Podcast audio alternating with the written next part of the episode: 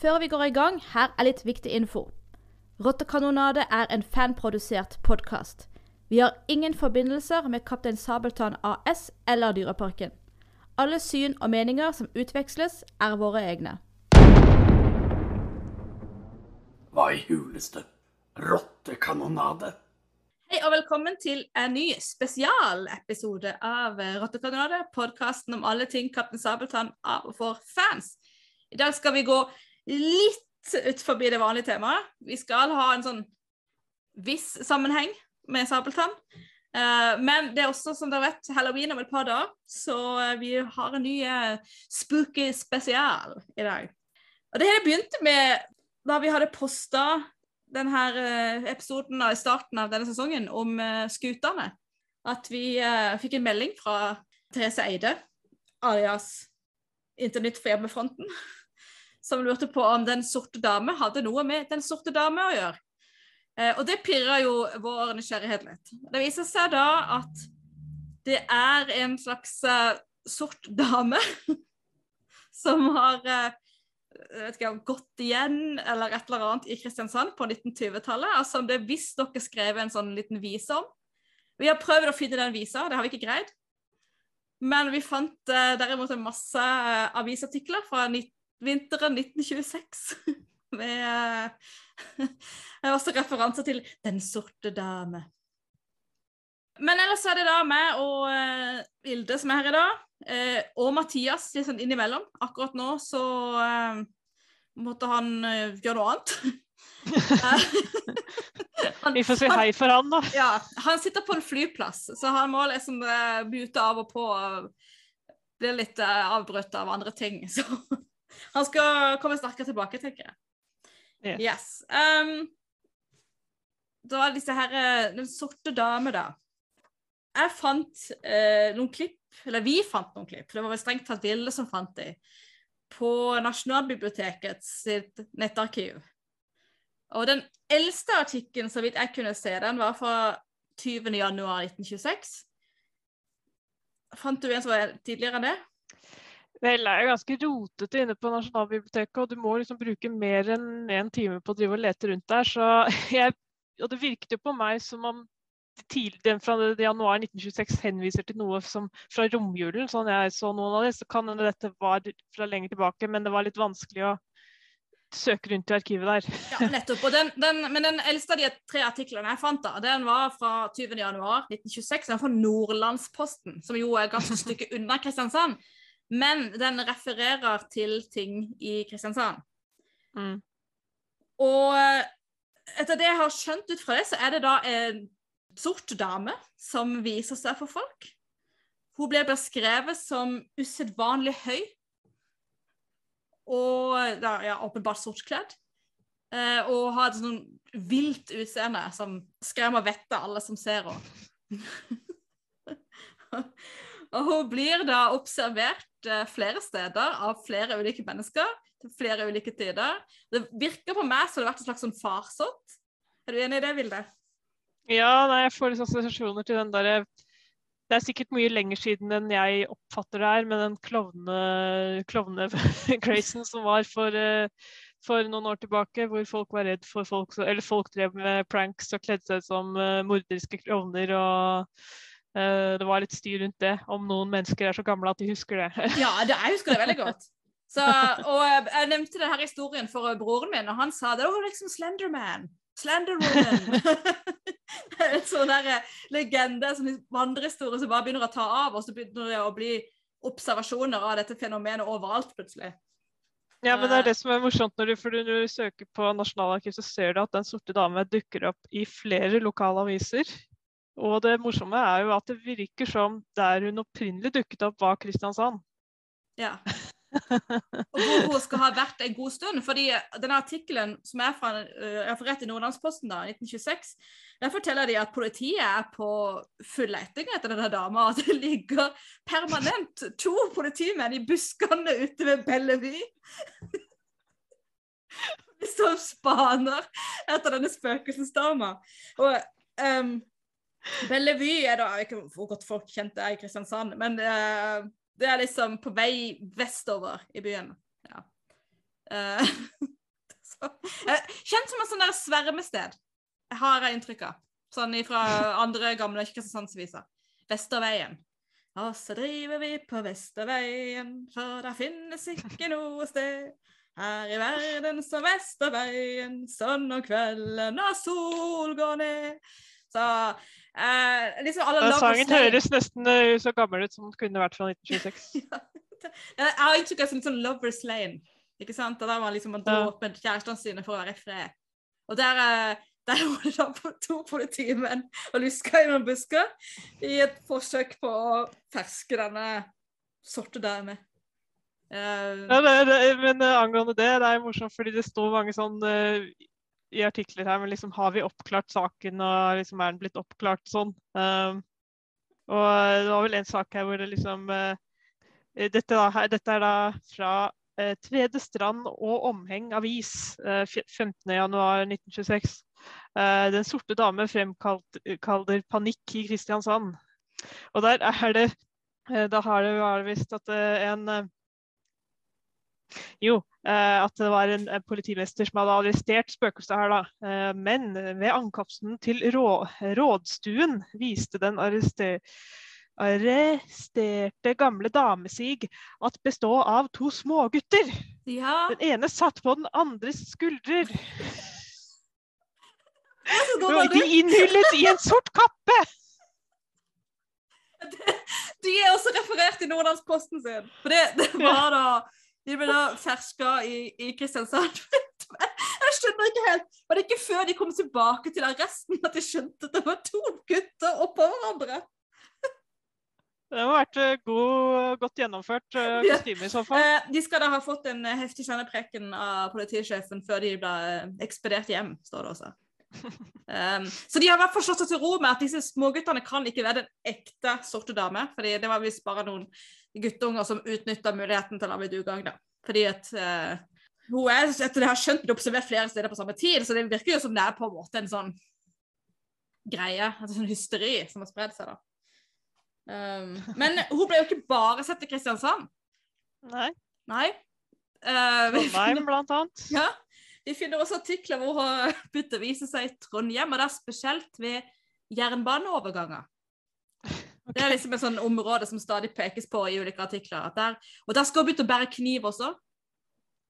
Det står uh, at hun har at hun hadde en stor og skremmende kniv, ja. Og at hun var uh, Denne damen som har sitat, 'skaket opp i mange norske byer', uh, var da også blitt observert i Trondheim.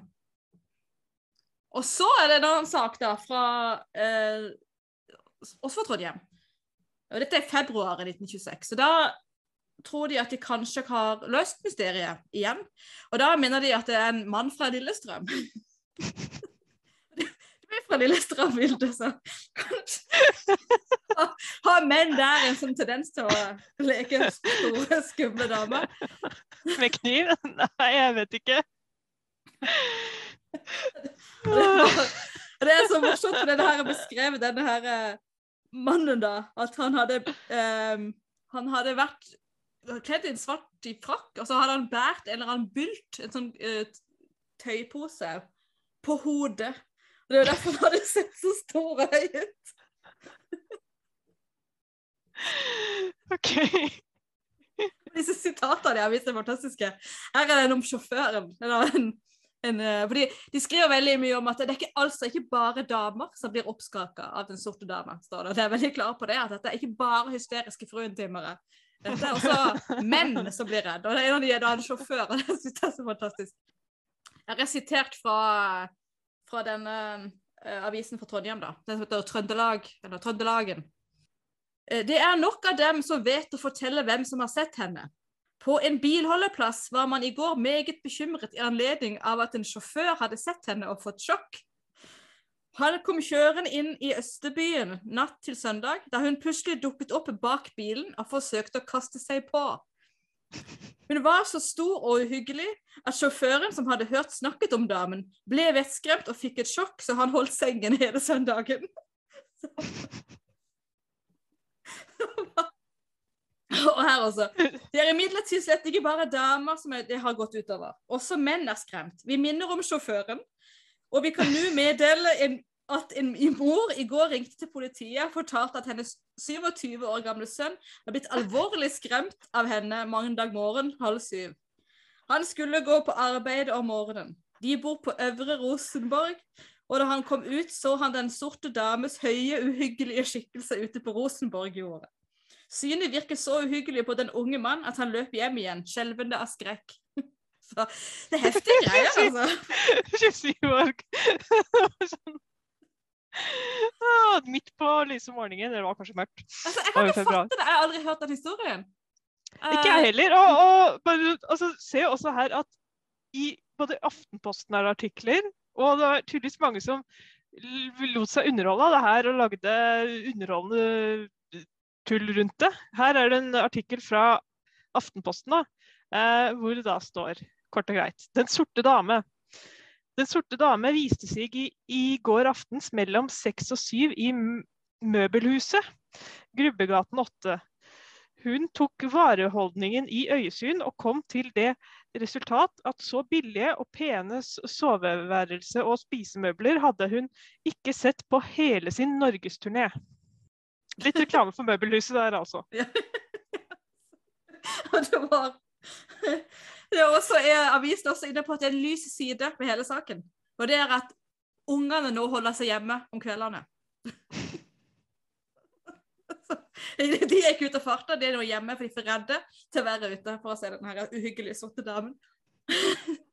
Får, får liksom ikke noen sånn veldig beskrivelse av hvordan hun ser ut, bortsett fra at hun er usedvanlig høy og sortkledd.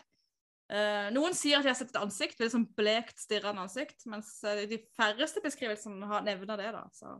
Mm. Men altså det at vi aldri har hørt om dette før eh, Altså, At du ikke har jo en ting, men jeg har jo røtter langt tilbake i Kristiansand. Jeg, jeg har faktisk ikke hørt det her. Det, uh, nå var jo min bestemor, som er den mest naturlige kilden jeg ville hatt til det, hun var jo født først på 30-tallet. Så dette må jo ha skjedd før hun Ja, det var, skjedde jo før hun levde da. Men uh, jeg, hun er jo død nå, så jeg har ikke mulighet til å spørre, men jeg skulle veldig gjerne gjort det. altså. Men hun hadde hørt noen historier fra sin far, f.eks. om uh, om den her sorte damen, da. Uh, men jeg, jeg finner jo altså veldig lite på nettet om det, så det er tydeligvis en sånn farsott som folk har glemt igjen. Og, Ja, nei, det var noe de lot seg underholde av, virker det også som den gangen. Og ja, nei, det, det, er, gøy å se at mennesker var mennesker den gangen òg. Altså, og eh, den, eh, den, om den sorte dame, skuta den sorte dame, har noe med denne sorte damen å gjøre, jeg tviler egentlig, fordi det er jo veldig generisk navn. Både på ei skute og på et spøkelse. Så eh, de fleste spøkelser heter jo den grå damen, den hvite damen eller den sorte damen. Eh, det liksom det er ikke noe, veldig sånn standard spøkelsesting. Jeg, jeg, jeg har ikke greid å finne noe oppklaring av, av uh, mysteriet i noen av artiklene. Så mulig det var akkurat som den der klovnecrazen, bare noe som bare forsvant igjen. Så det spredte seg, folk så syner basert Ja. på én uh, fryktinngytende historie. Um, nei, I Kristiansand så var det liksom noen branner, eksplosjoner, som de også Mm. ga henne skylden for. Så det er sånn uh, veldig Ja, nei. ja, det var Det var en periode på 20-tallet folk gikk ikke ut på kveldene, står det. Og de tok bussen overalt, for ingen torde å gå rundt.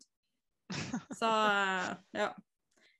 Ja, skal vi gå videre på den neste uh, historien? Uh, det sier vi håper at Mathias kommer tilbake igjen, for han har visst litt dårlig nett på denne flyplassen, så han har dette rundt og inn Zoom hele tiden. liksom. Det er vel et spøkelse på internett også, da, som hindrer oss i å prate sammen. Men i hvert fall eh, Det andre vi vil snakke om, er grasvannet. Mm -hmm. Og eh, du kjenner jo godt til grasvannet, Vilde. Kan du forklare lytterne hva grasvannet er? Det kalles også grashavet. Det er da det vannet som eh, skutene går på i Dyreparken. Altså det er det vannet som er i Dyreparken. Eh, det heter grasvannet, eh, egentlig. Derav Mm. grashavet. Og det er vel et sånt myrtjernaktig vann, er det ikke det? Altså det er ferskvann. Eh, Ja, det er det jo. sånn uh, Men, uh, su- surprise, surprise. Uh, grasvannet er mye eldre enn Dyreparken. Så det er, et, det er et naturlig vann, det er ikke en sånn der, kunstig anlagt dam, liksom. Um, det er et vann som har ligget der, og er ja, sånn typisk myrtjernvannting. Ja. Mm. Og det området som Kristiansand dyrepark ligger i, for de som ikke er veldig kjent, det er på grensa mellom Kristiansand kommune og um, Lillesand kommune. Og uh, det var jo et øde skogsområde bare for noen uh, ja, 100 år siden, liksom. Um, det er først de uh, siste årene at det har kommet kom boligbebyggelse sånn i noenlunde nærhet. Det nærmeste du kommer, er jo Sørlandsparken, som er et industriområde med bl.a. Sørlandssenteret og Ikea, som vi jo vet. um, så det lå for da opprinnelig ganske så langt ute i Gokk. Og grunnen til at vi skal snakke om grasvannet, er at ting tyder på at det har forekommet heksesabbater der. Mm. Vet du hva en heksesabbat er? Det er når heksene møtes og danser og party, har party med demoner og sånne ting, er det ikke det? Nettopp. Det er sånn som eh, Miriam og vennene hennes gjør på Gral. Hvis vi skal tro sangen. Uh, for til heksenes samling på Øya Jeg vet ikke om de uh, danser med demoner og har seg med djevelen på akkurat de treffene, men det var i hvert fall det man trodde hekser gjorde på 1500- og 1600-tallet, da de store hekseprosessene skjedde. Så det som er, eh, jeg har funnet, da, det er da en stor hekseprosess i 1650. Og i Agder så var det de store hekseprosesser da i, i 1650 og i 1670 i Kristiansandsområdet. Og det er to store hekseprosesser. Eh, og hekseprosesser hadde jo det med at um, De hadde en sånn tendens til at en dame ble anklaga for hekseri, og så anklaga hun flere for å være medsammensvorne. Så det hadde en sånn tendens til å balle på seg, liksom, at én heks ble plutselig til 25 hekser.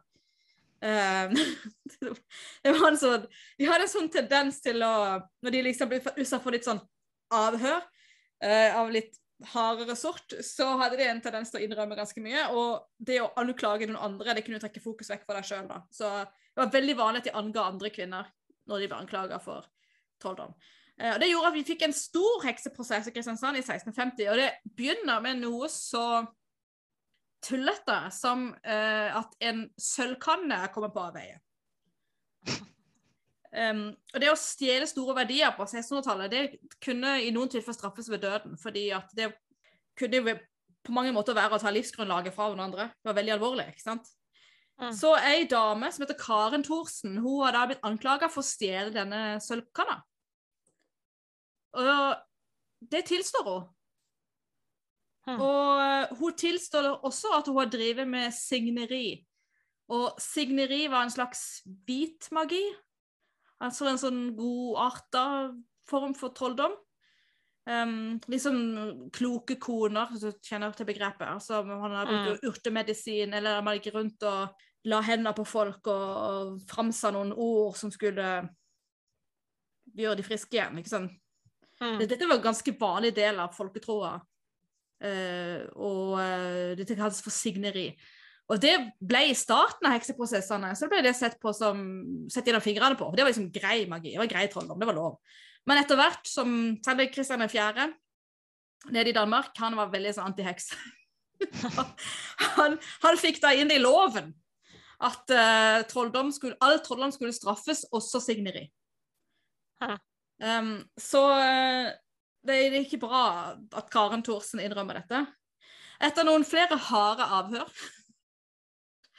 les tortur, så uh, innrømmer hun også at hun har uh, sitat, har begivet seg i tjeneste hos djevelen.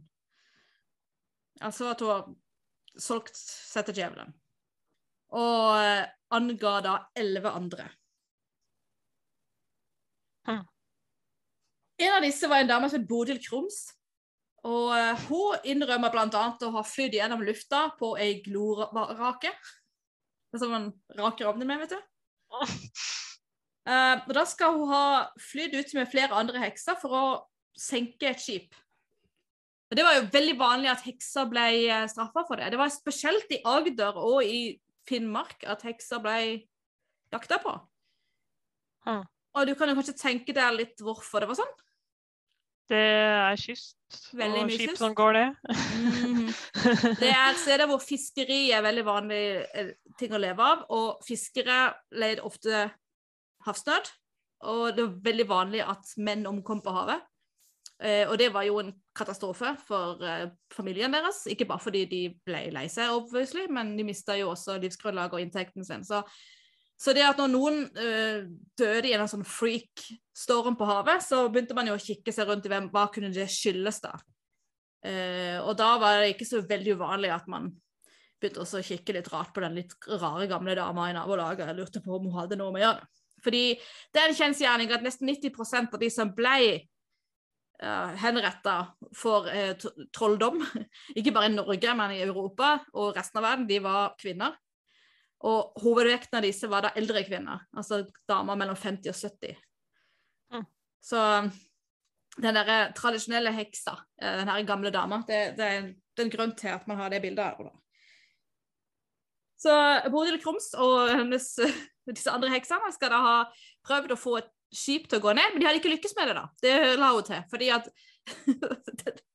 Grunnen til det var at de folka om bord på båten eller skipet trodde for mye på Gud.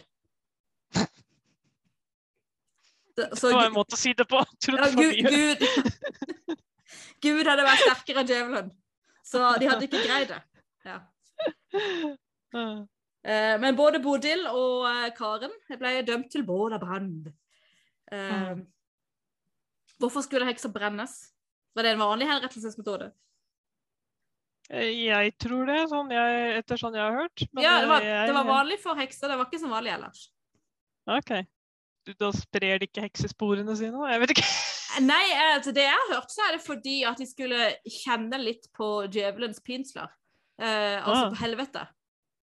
Sånn at de skulle eh, angre sine synder. Og eh, Ja, de skulle angre sine synder. Og så skulle de eh, omvende seg og rope 'Unnskyld! Jeg tar tilbake Gud!' Helst sånn før de døde.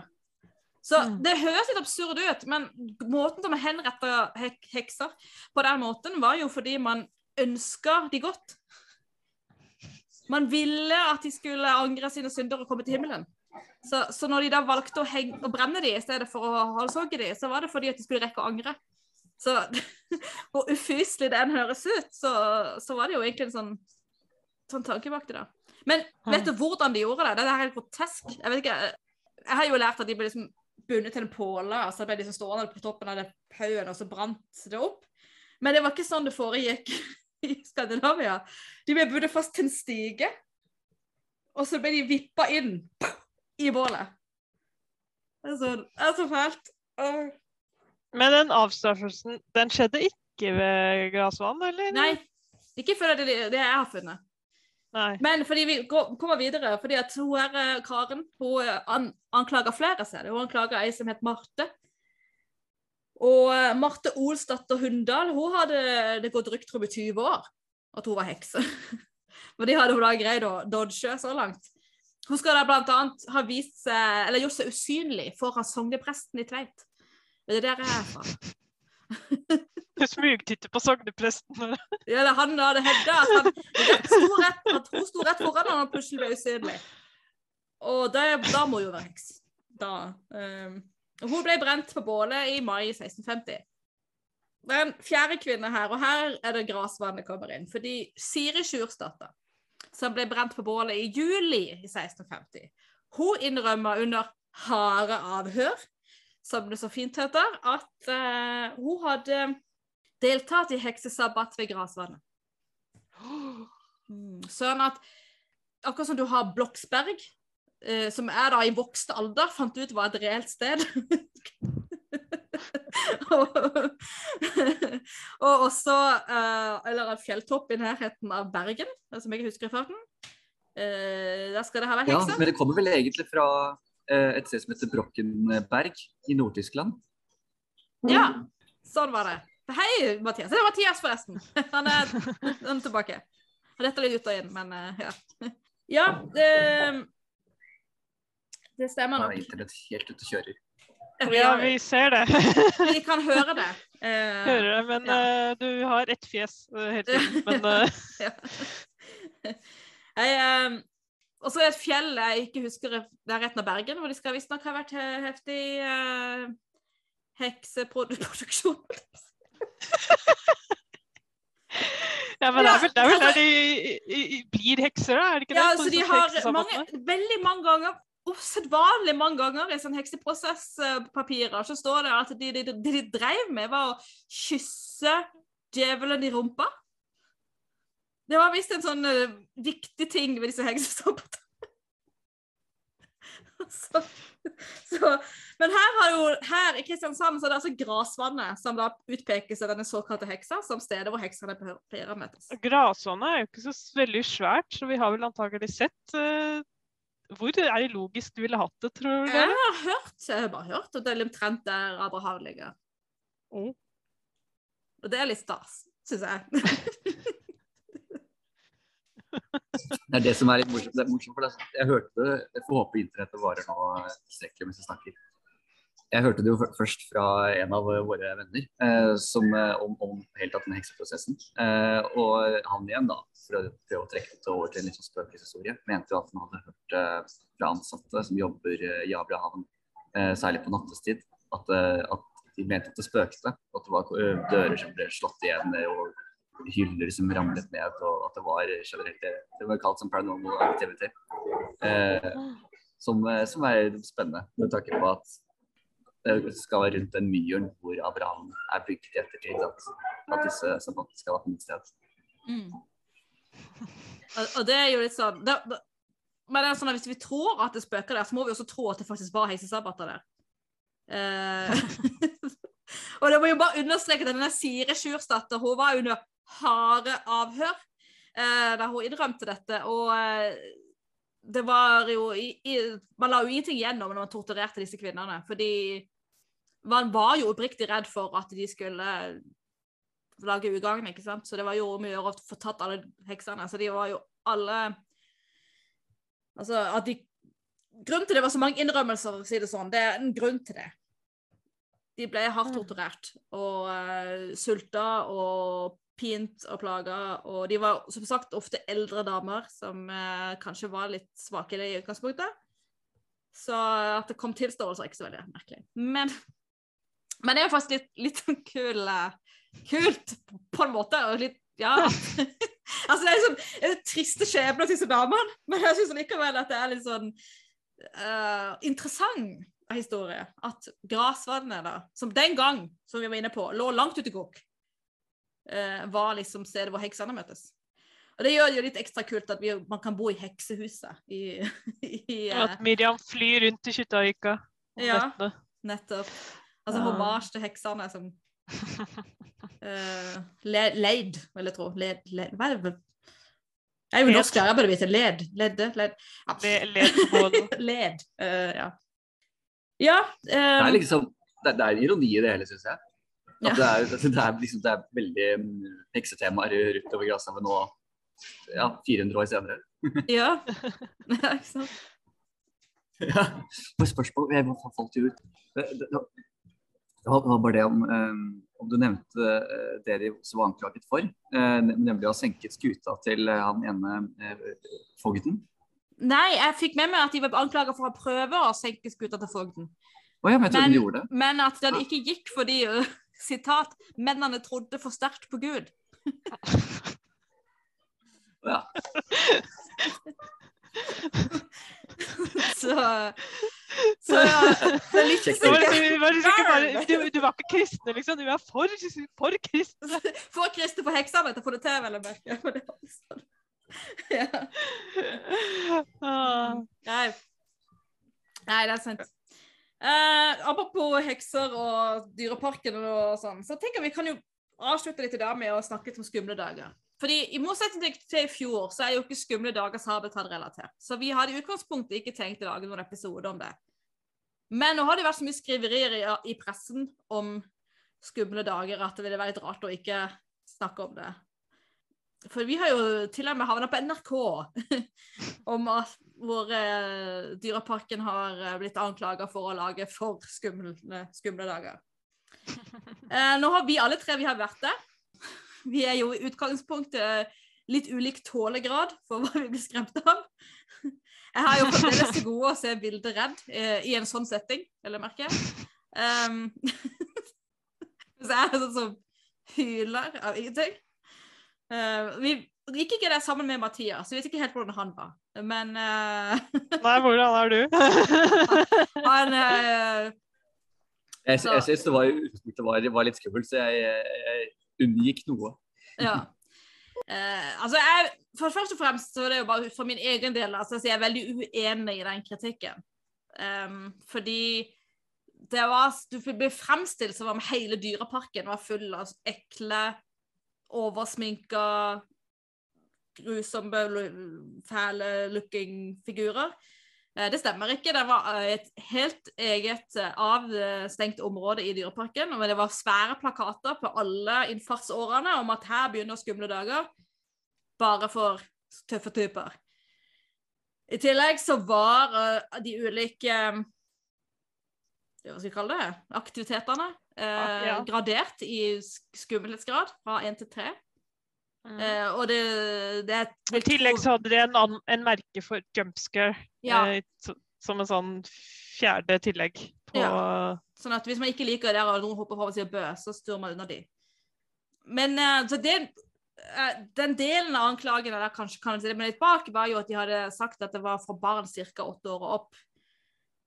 Og grunnen til at de ikke ville sette noe mer tydelige eh, aldersbegrensninger enn det, var jo at i fjor så gjorde de akkurat det. Da var det jo fra tolv år fra var det fra, For alle fra åtte år og fra tolv år, tror jeg. Jeg husker ikke lenger. Jo, mens de, nivå tre er det fra tolv år og opp i fjor. Mm. Og eh, da de, ble de kritisert for det. Fordi de mente at eh, det jo fint, mange åtte-niåringer som ville klare det. Og da bestemte de seg for at da gjør vi det sånn at foreldrene sjøl får avgjøre. For de kjenner barna sine best. Og barn er veldig forskjellige.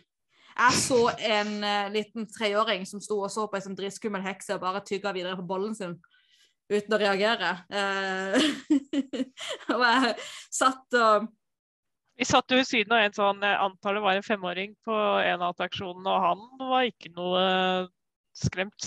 Nei, han var bare fascinert. Det var sånn, ah, se på Ja. den maska, den var kul, liksom. Men du det så vel også en unge som var eldre enn han, som var helt skjelven og helt sånn eh, Så du ikke det? Jo, Eh, jo, jeg så ja. ei som var helt Jeg tror hun skulle svime av. Og hun var sånn som hun var, kunne vært 10-11. Så det er veldig forskjellig. Eh, og jeg er for så vidt enig i at det som var på nivå 3 Jeg ville nok ikke tatt en åtteåring med inn der. Eh, med mindre jeg kjente den åtteåringen ekstremt godt. Men den absolutt verste som er da Jeg har tatt alle aktivitetene. Det verste var lavvoen. Lavvoen var verst. la, Og i lavvoen har jeg vært to ganger nå. For jeg dro der, der mine små søsken òg. Og da sa han etter trykket fra han eh, ansatte som sto utenfor Jeg vil anbefale fra tolv år, og det er ikke eh, nødutganger. Så går du inn, så må du gå igjennom. Det er ingen vei ut. Ja, det er vel det som er det veldig intense med den, da, tenker jeg. Mm. Når, for når du først kommer inn et visst Det er vel et visst punkt da du kan gå ut på starten, for det er en sånn Det er jo det er Ja. en startfase av Mm. den. Men, Men, idet eh, du er i den labyrinten, så er det Er du ferdig, helt å si? It's no way back. Men den labyrinten var jo eh, Altså Åh. Ja, det, var, det var eh, en opplevelse å gå med. For Stine, første gang Stine tok den, så var det jo meg. Og da er regelen når det er meg og Stine som tar den, så må jeg gå først. Alltid. Og det, altså, dette var ikke labyrinten, for det var en annen en som var oppe i skogen. Og da var det sånn at jeg går, og så driver Stine med «Ei, Vilde, ikke gå så fort, ikke gå så fort, ikke gå så fort. Og så kommer det en eller annen monster bak Stine etter hvert og spør sånn Ville, fortere, gå fortere, gå fortere! Og, og i ja, lavvoen da, så drev jeg og du holdt meg i sekken, du holdt meg tilbake og liksom er sånn Ser du noe? Ser du noe, Ville? Og så er jeg sånn Jeg kan ikke se dritt der inne. Jeg ser ingenting. Jeg ser ingenting. Og du, og du bare Det er fordi du ser inn i sekken min! du, men, men jeg så jo da jeg gikk sammen med søsknene mine, for da Da måtte jeg gå Da først. måtte du gå først. Og da, da var det jo sånn at eh, det var jo lys helt nede ved bakken, og de tentes etter hvert som du gikk framover.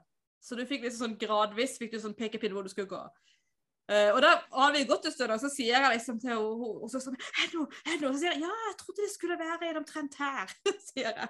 Og akkurat så går sånn flombelysninger på, og så står en sånn der eh, fyr monstermaske sånn rett ved siden av meg og bare brøler. så, og da løp de videre, vet du, og hun, eh, hun bonuskusina mi, holdt jeg på å si, hun som er da kusine til min halvsøsken, hun er 15. Hun løp først.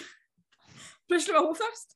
Og så løper hun ut, og så bare får, kommer hun ut, og så får hun øye på hun der, hun der sjøvianvesenet som står nede ved vannkanten. Og bare stå, så hun, snudde og sprang tilbake. Det var ok. Så da måtte jeg først igjen. Det tok lang tid, Vi brukte lang tid på å komme gjennom, fordi alle sto og pi- pingla. Det To grupper tok oss igjen. Og vi sto alle og pigla ved så da gjør det, og ingen torde å gå. Så måtte jeg bare, måtte jeg bare gå. Dere hadde hatt bruk for meg, altså. uh, nei, men altså fordi det jeg syns er gøy med de skumle dager, er jo det at de har tatt i bruk områder som de ellers ikke bruker til sånne ting. Lavvoen er da en, Det er en lavvo de pleier å ha som pleier å stå der permanent, er det ikke det? Uh, Mm. en sånn lavo, Det er et sånt grillområde. Jeg tror, jeg tror ikke, Det er jo litt sånn ting som folk som har sesongkort, som er i Dyreparken Ja, utenom høysesong, vet om. Eh, vinterhalvåret så pleier det å være bålpanne der. Ja, og det er Og, eh, liksom man kan hvis du vet, lavvoen. eh, mellom Oterne og Nordisk villmark, sånn helt i enden av parken. Er kanten Eh. av grasvannet. Ja. Der er lavvoen gjemt i en sti litt lenger ut i skogen. Uh, så der hadde de liksom bygd på den delen, da. Og en annen, del, en annen attraksjon, det var vel Villmarksskogen eller et eller annet sånt. Den var liksom oppi skogtoppen ov ovenfor reveinnhegningen. Så vi gikk liksom på et sted du ellers aldri går. Og så hadde de jo også og Men det jeg syns nesten var kulest, da, det var jo at de hadde kledd om Hakkebakk-toget og Hakkebakkeskogen og gjort det til et uh, fryktelig spøkelsestog. ja, det var, skulle forestille klosterruiner. Yes. Mm, så at man, eh, man toga rundt i sånne ruiner av det gamle klosteret, hvor det var noen sånne menneskeettende vesener. Um, ganske nasty. Der var det det jeg syntes var skummelst, og det var rett og slett bare en alminnelig looking man med svær skade på hodet. Det syns jeg var det aller skumleste av alt sammen. For det så mer realistisk ut enn det andre. det er ikke typisk.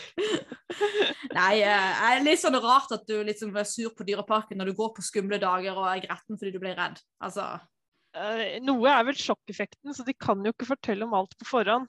Og det er jo litt sånn eh, Jeg tror jeg, folk som har hørt på podkasten her tidligere, fortalte jeg, jeg tror jeg fortalte om det opprinnelige spøkelseshuset i fjor. Var på tilsvarende tid i fjor, om liksom at jeg gikk jo gråtende inn i heksehuset. og jeg, av en eller annen grunn tok ikke min far meg med ut. Eh, og jeg kom jo ut eh, fornøyd. så man kan som aldri vite hva barnet liksom gjør. altså, så jeg tenker jo det, det, er veldig individuelt, tror jeg. Eh, og jeg tror jo at de fleste som jeg så, så ut til å kose seg med å være der. Um, og jeg syns det er helt topp at Dyreparken lager noe for litt større barn.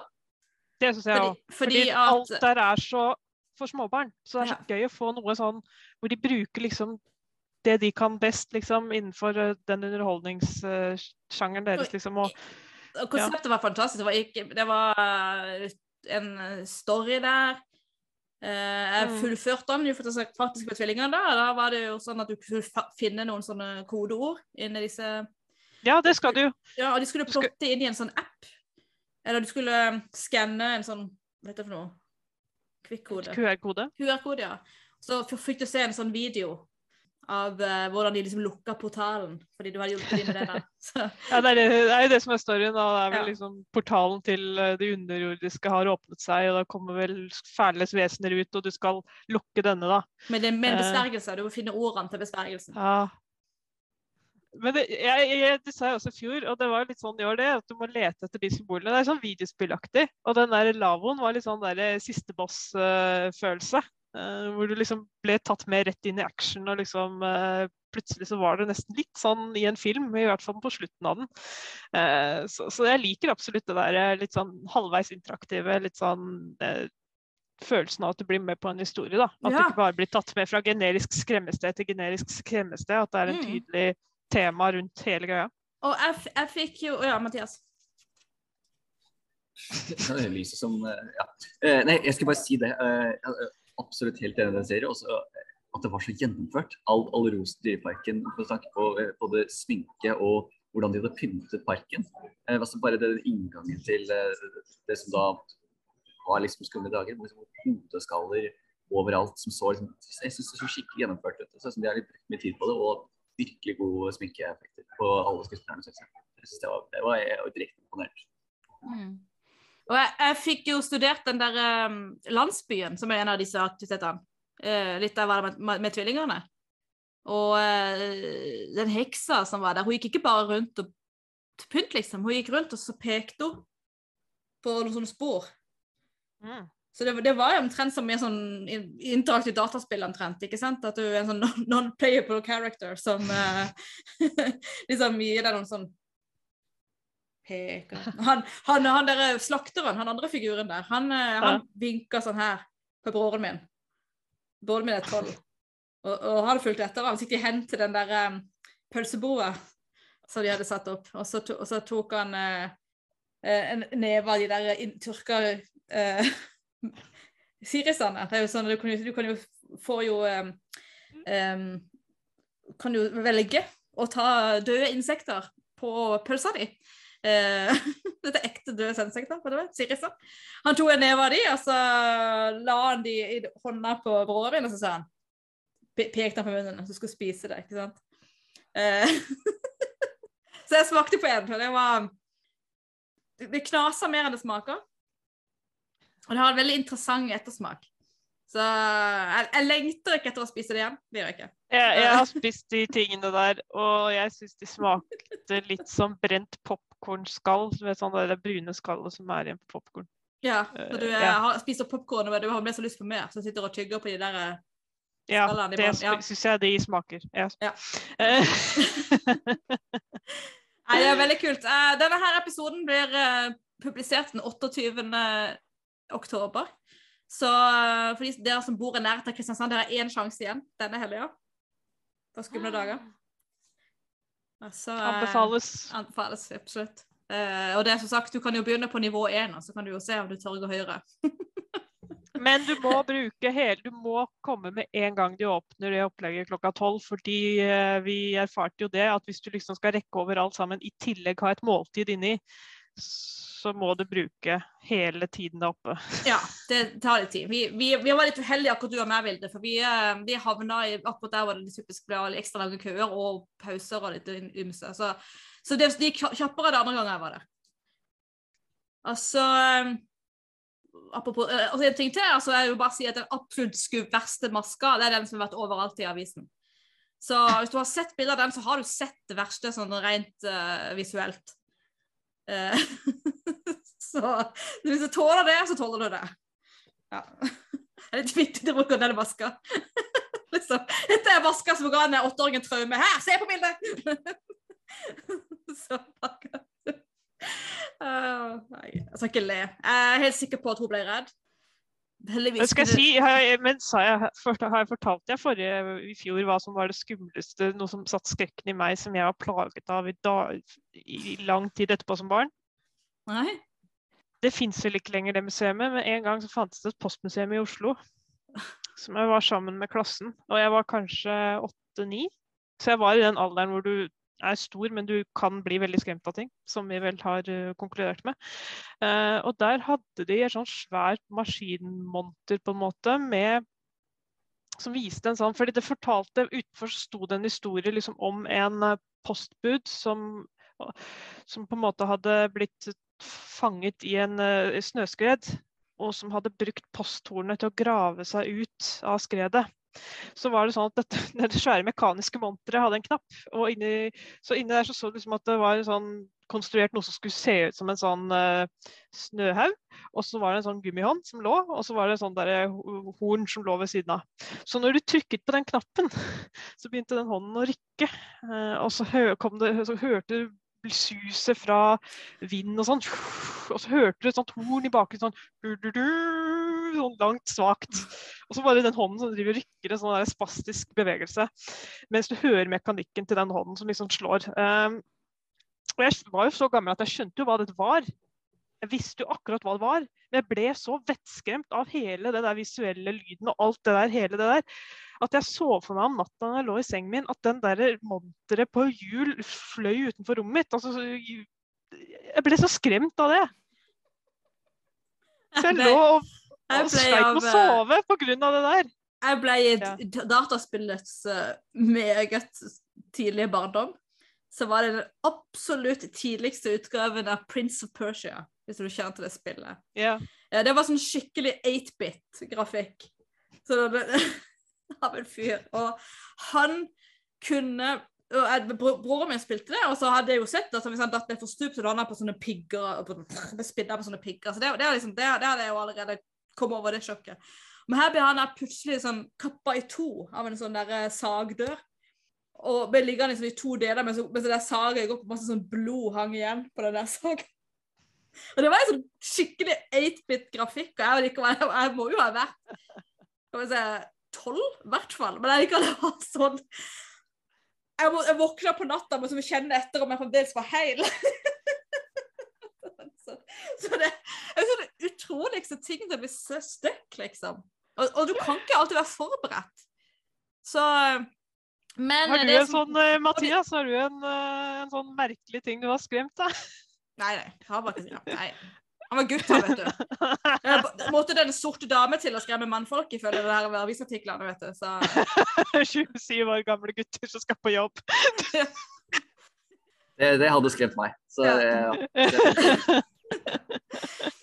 Nei, Nei men eh, vi får trøste både oss Vi kan trøste oss sjøl med, og den her eh, jenta som ble redd i Dyreparken, at uh, den psykologen som ble intervjua i avisartikkelen, så er sånne traumer sjelden noe som blir sittende. Det er um, noe man eh, tenker litt på i kanskje noen uker og, og måneder etterpå, men det er ikke sånn at du får varig skade på sjelen av å, å bli skremt på den måten. Ja, igjen, de virkelige traumene det får du av situasjoner hvor du virkelig har vært i fare, eller eh, ting som har vært ekte, liksom. Jeg hørte noe kjempefascinerende på en annen podkast om, eh, om dette her med valgt redsel. Altså Det heter cho chosen, uh, chosen fear, kalte de det på, um, på engelsk. da. Altså at man i, i noen settinger så Når man oppsøker sånne haunted house attractions, ikke sant? sånne hjemsøkte Mm. hus-attraksjoner og, og typ skumle dager og sånn, så har man lyst til å bli skremt. Og, og man, grunnen til at man har lyst til å bli skremt, er at man får en sånn endorfin-rush av å bli skremt i en sånn setting. Så det, man får en sånn derre kjemikalieeksplosjon i hjernen som, som gir det samme eh, opplevelsen som euforisk glede gjør.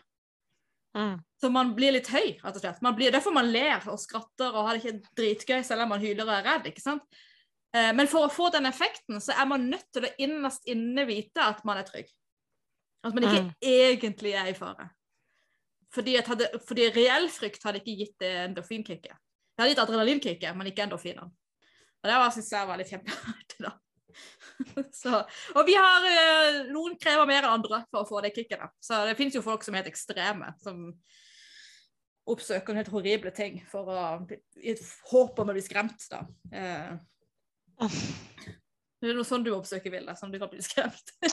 Nei, jeg har ikke noe behov for å oppsøke noe sånt. Men uh, du vet jo, jeg, jeg går gjennom disse attraksjonene, og jeg ler og jeg ler og jeg ler. Og jeg lurer liksom på om det egentlig at Jeg kunne ha skreket hvis jeg hadde vært en annen person, men jeg bare finner på å le hele tiden. Men du, Ja, ler, så du får jo antagelig de endorfinene, da, siden du ler. Ja, ja. Eh, Men så noe ler du av.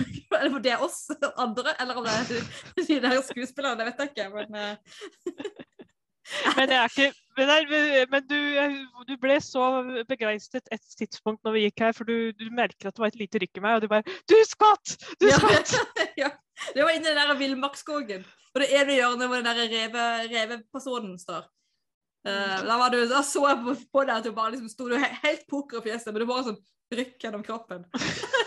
det nærmeste jeg har sett Vilde skvette noen gang. det var veldig stas. Ja, ja. Yes. Dette der blir en uh, kort uh, spesial. Um, Og vi har egentlig ikke snakket om Kaptein Sabeltann i det hele tatt. nei, uh, men vi har, men som sagt, både Den sorte dame og Grasvannet er jo sånn løst uh, knytta til Sabeltann. Så jeg håper dere tilgir oss det. Vi er tilbake med noe virkelig Sabel Sabeltann neste gang. Um, Jeg vil jo til og med si at, at trolldomshistorien forankrer deler av Kaptein Sabeltann i virkeligheten, jeg. Så jeg er fornøyd. Absolutt. 14 dager til så regner vi med at temaet blir um, Kaptein Sabeltanns verden. Hvis ikke Eh, noe annet blir passer bedre først, men vi får se. Ja.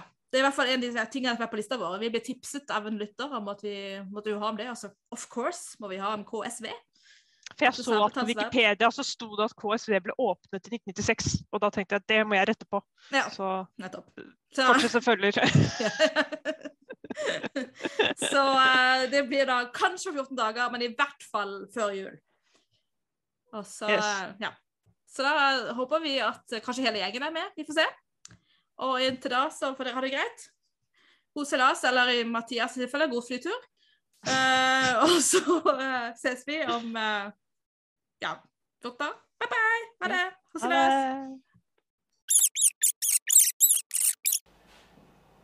Ha 嘿嘿你的